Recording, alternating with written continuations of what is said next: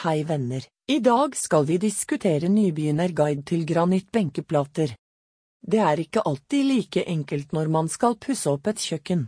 Først og fremst er det svært kostbart, men det er også enormt mange valg som skal tas i prosessen.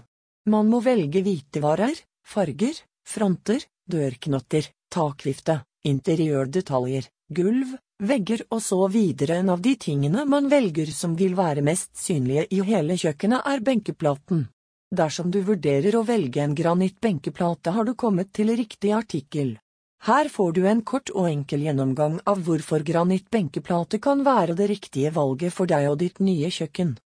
Siden granitt er en type stein som er både varme- og kuldebestandig, er den godt egnet for mange typer overflater, inkludert benkeplater. Det er verdt å merke seg at sjatteringene i en benkeplate i granitt vil variere litt ut fra om det er lyse eller mørke, og det vil alltid forekomme mindre sjatteringer eller småporer i overflaten. Dette er fordi granitt er naturstein, og slike særegenheter oppstår naturlig. Dette er noe som gjør benkeplater i granitt helt spesielle og unike. Siden det er ekte sten vil den også ikke la seg prege eller ødelegge av den daglige bruken, og man trenger ikke bekymre seg for å komme borti med redskaper eller varm gryte. Når det gjelder farger er det mye å velge mellom.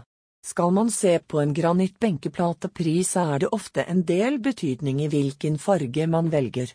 Eksempelvis har man de store favorittene som Black Galaxy og Nero Assoluto som er noe rimeligere enn de eksklusive fargevariantene som Nero Impala og Emila Pearl. De aller fleste fargevariantene passer godt inn i både minimalistiske hjem og boliger med et litt større herskapelig preg. Takk for at dere hørte på.